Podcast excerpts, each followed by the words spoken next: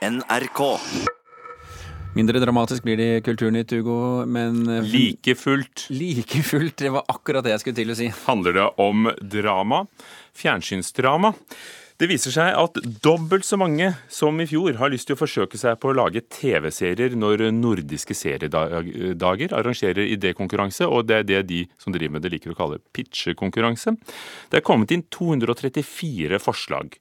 En av teoriene er fordi norsk TV-serier gjør det så godt innenlands og utenlands for tiden. Det er Jan Erik Hei, Jan Erik. fra Airbnb. Å faen, du skal opp hit, du. eh, ja, Da er det andre etasje, og så Ja. møter jeg deg i døra. takk. Birkelunden BNB heter serieutkastet som vant konkurransen i fjor. Skolekameratene Sondre Antonsen Billet, Christian Larsen Alstrup og Eirik Skaufjord laget opprinnelig noen episoder som sin bacheloroppgave. Så meldte de serieforslaget på pitchekonkurransen, eller idékonkurransen, til nordiske seriedager. Hele opplegget med nordiske seriedager virka veldig interessant. Er mye faglig tyngde der. Eh, Og det å kunne ha en arena å presentere ideen sin på foran mennesker som har noe å si i bransjen, var veldig interessant. Sier Eirik Skaufjord. Premien er så klart hovedlokkemiddelet. Det er å få en utviklingsstøtte som gjør at vi kunne sitte og jobbe med dette på fritiden. Uten å bli kasta ut av leiligheter for ikke å betale leie, er også veldig, veldig positiv sak. Å møte for videreutvikling er jo helt klart en gulrot. I årets konkurranse er det kommet inn 234 ideer. I slutten av september blir vinneren klar under nordiske seriedager. Anniken Holmsen har meldt på to ideer. Den ene er en politisk komedie. Den heter Grå ungdom, og det skal da være en satirisk eh, mockumentary, altså en fake dokumentar, om et ungdomsparti i Norge, som jeg har valgt å kalle Grå ungdom. Så den skal rett og slett ta deg da på innsiden av et norsk ungdomsparti. Anniken krysser fingrene for at hun er en av dem som blir plukket ut til først å være med på en workshop med proffe folk, før presentasjonen av ideene skal skje og vinneren kåres. Jeg ser for meg at det er veldig spennende å jobbe med noen eh, som driver med det her til vanlig, og få tilbakemeldinger på det jeg har gjort, og få pushet meg litt videre. For man står jo, står jo til tider veldig fast i det man skriver selv, og liksom blir litt usikker på er det her bra nok, hva kan jeg gjøre her. Men å da få noe, få noe tilbakemeldinger tror jeg blir veldig lærerikt. Premien er et utviklingsstipend fra Dramatikerforbundet og et møte med dramasjefene i NRK og TV 2. Eirik Skaufjord og kameratene sier serieseieren var viktig for å orke å stå på videre. Det var en veldig fin anerkjennelse på at vi var på rett spor av noe interessant for flere enn oss. Det er ikke bare vi som syns dette er gøy. Eh, Nå har det vært et par møter med NRK. Vi skal dit tilbake neste uke. Og forhåpentligvis jobbe mot å få produsert dette videre, som er jo drømmen vår. Og reporter var Thomas Alvestein Ove. Og her sitter da en del av premien i eh, nordiske seriedagers dramakonkurranse. Ivar Køhn, dramasjef i NRK, god morgen. God morgen, god morgen. Ja, Vi hørte fjorårets vinner skal møte deg igjen, og de som vinner i år får møte deg. Hva ser du etter? Ja, det vi ser etter i denne konkurransen her, er jo originale, nye historier. Originale stemmer, og, og historier som egentlig ikke er fortalt før. Vi går jo liksom ut veldig det, det er veldig gøy med denne, denne konkurransen og dette med, rundt nordiske seriedager. det er at, at vi går så bredt ut. Det er så mange som vet om det, det er så mange som sender inn. Så vi får liksom et, et godt blikk over hele Norge av eh, nye historier. Kommer det nye historier? Det kommer nye historier hele tida. Og, vi har jo god kontakt også med det profesjonelle, eller det normale miljøet hele tida. Men denne konkurransen her gir det jo muligheter for at det kommer inn eh, nye stemmer og nye originale ideer fra andre hold. da. Og Hvordan forklarer du at eh, det er dobbelt så mange i år eh, sammenlignet med i fjor? Altså 234 som har meldt seg på. Det betyr at det er en stor underskog? Ja, det er en stor underskog. Jeg tror det, det henger sammen med det at, eh, at drama er begynt å bli et, eh, et, et veldig etablert som et kulturuttrykk, og at det er mange som ser mye drama. Det er mange dramaserier på, på, på TV med stort tilbud, og det gjør også at eh, folk opplever drama som et relevant medium å, å uttrykke seg. Og så rapporterer vi ivrig når norske serier selges til utlandet, vises på Netflix, spilles inn med engelsk tale, også vinner en Emmy. Er norske TV-serier bedre, eller bare snakker vi mye mer om det? Norske TV-serier er bedre, eh, og vi snakker mye om det. Men eh, de er definitivt bedre. Det har vært en kvalitetsøkning de siste siste fem-ti åra. Og hvis du, ser, hvis du sammenligner liksom hvordan, hvordan, det var i forhold til internasjonal oppmerksomhet for bare fem-seks-sju år siden, så er det, jo, det er jo som natt og dag. Men det viktigste for oss er jo også at, at vi føler at disse seriene som vi lager, når publikum, og at de oppleves som relevante for det norske publikummet. I hvert fall for deg som dramasjef. Jeg vil tro at produsenter er glad når det selger. Men, men f.eks. Skam, som nå er laget i, i franske, amerikanske versjoner. Eh, det heter til og med Skam, eh, både i Frankrike og USA. Eh, hva, hva, hva var suksesskriteriet for den opprinnelig? Jeg tror rett og slett på at han, at han traff en tidsånd og traff, eh, traff, et publikum veldig direkte, som, som, ikke hadde fått den oppmerksomheten før. At han var veldig relevant for, for et, eh, et, publikum. Så vi, vi, ser det, og vi ser også eh, Heimebane, som, som vi egentlig ikke har solgt noe sånn til de store kontinentene ennå. Men som allikevel møter et publikum der ute med at vi følger med på Twitter, og det kommer stadig vekk meldinger på spansk og fransk og, og portugisisk og dansk og svensk som viser at det treffer et, et eh, bredere publikum enn bare vårt eget. Vi snakket lenge om danske og svenske serier, og, og nå sier du at norske er vel så anerkjent. Er det noe eget ved dem? Går det an å generalisere såpass? Nei, ja vi, vi, er, vi, følger jo liksom inn i sporene til de danske og de svenske, og vi har jo lært veldig mye av det. Det jeg tror kanskje kanskje vi har gjort mer, da, det at uh, vi har kanskje vært litt bedre til nå å utvikle nye, originale stemmer. For vi har liksom gjort en god satsing også økonomisk. Satser vi, gjort, vi mer enn danske ja, og svensker? Vi, vi satser mer penger, fra, iallfall fra NRKs side, på, på, uh, på dramaserier. Og det gjør jo at vi eh, kanskje ikke er så avhengig av å lage f.eks. krimhistorier, som, som, jo er det som dominerer eh, i Sverige og Danmark. Trenger ikke et mord for å være spennende? Vi trenger ikke et mord for å være spennende. Det er, en, det er veldig mange mordhistorier også, så vi kan lage andre ting som er like spennende. Ivar Køhn, dramasjef i NRK.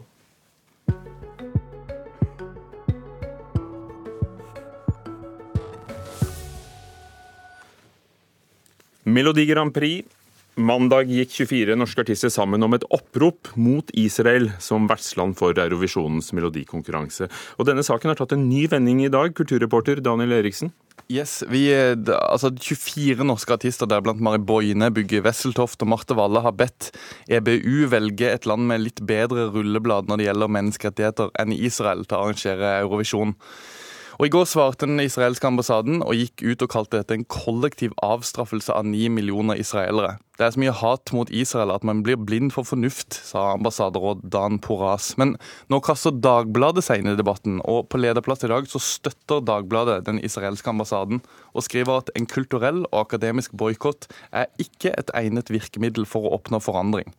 Og, og, Hvordan begrunner de det? Grunnen er at kunstnerisk aktivitet ifølge Dagbladet er helt avhengig av å foregå på tvers av landegrenser og bygge på prinsippet av ikke-diskriminering. Og så poengterer jo også lederen at det ikke kom like høylytte klager da konkurransen ble avholdt i Russland eller Aserbajdsjan, land som begge har problemer med menneskerettigheter. Vi får se når det nærmer seg finalen hva Eurovisjonen bestemmer seg for EBU. Altså. Takk, Daniel Eriksen.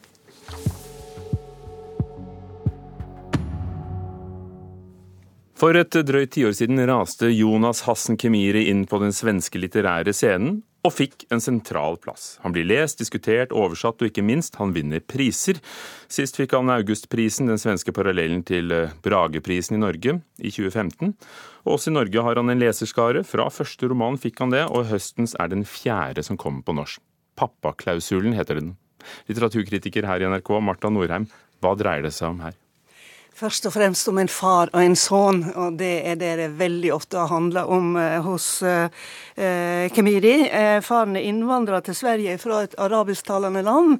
Eh, og jeg kan jo nevne her at eh, Kemiris egen far var fra Tunisia, uten at det er noe sjølbiografiske ting her. Det er mer snakk om at han har en type erfaring med en, en tokulturell oppvekst. da.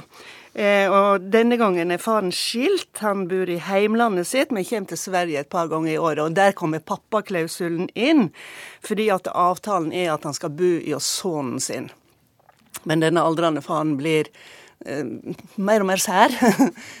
og sønnen er blitt far sjøl, og har liksom andre greier å, å stri med. Og dette, denne romanen handler om et sånn ti dager langt besøk, da eh, gamlefar mer og mindre krasja inn hos eh, sønnen og hans familie med sine helt spesielle forventninger. Hva er det med denne faren? Ja, han tenker jo at det er en æresak for eldste sønn å, eh, å, å, hjelpe far i alle spørsmål. Eh, type bank, type legebesøk, type transport, eh, PC og digitale utfordringer som den eldre mannen har rikelig av. Mens denne unge mannen da, som har pappapermisjon, har liksom noen andre ting han også skal ha gjort. Um, denne gamle mannen kommer nok fra en eh, kultur der pappapermisjon ikke er en del av hverdagsspråket, for å si det sånn. Eh, og, og han, eh, han, har et veldig frihetlig forhold til avtaler, og han kommer seg på en måte unna med et blomstrende språk eh, som begynner å tære litt på forholdet, kan vi vel si. da. Men jeg sliter litt med å forstå på det du sier om dette er en, en lystig eller en trist roman. Ja, svaret er egentlig ja. Altså, Sånne krasjer mellom to ulike oppfatninger av verden har jo både et komisk og et tragisk potensial i seg. Og dette er jo en bok som en sitter helt alene for seg sjøl og ler høyt av, samtidig som det òg er veldig rørende og også og også, Nå var ikke jeg rørt, jeg måtte bare svelge. Eh, både rørende og trist. Det er en situasjonskomikk her som er fryktelig morsom. Og Kemiri er jo en veldig morsom forfatter hele veien. Morsom, og så blir han omtalt som viktig, og han blir mye lest i, i Sverige også. Eh, alt jeg ikke husker het den forrige romanen, det var den han fikk Augustprisen for. Hva gjør pappaklausulen til en god og, og kanskje også viktig bok? Ja, altså han skriver jo godt og nyansert om det som har vært hovedsaken i den svenske valgkampen. ikke sant? Dette med forholdet mellom det, det svenske og de nye innvandra eh, svenskene.